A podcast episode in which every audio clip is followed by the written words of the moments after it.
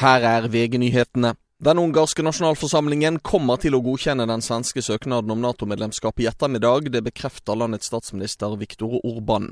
Avstemningen vil finne sted etter klokken 16. Svensk politi mistenker sabotasje etter at et malmtog sporet av mellom Narvik og Kiruna lørdag. Det melder SVT. Avsporingen skjedde ved Vassijauret på svensk side av grensen, på samme sted som et tog sporet av 17.12. i fjor. Det pågikk forberedelser for at Aleksej Navalnyj skulle frigis i en fangeutveksling like før han ble funnet død.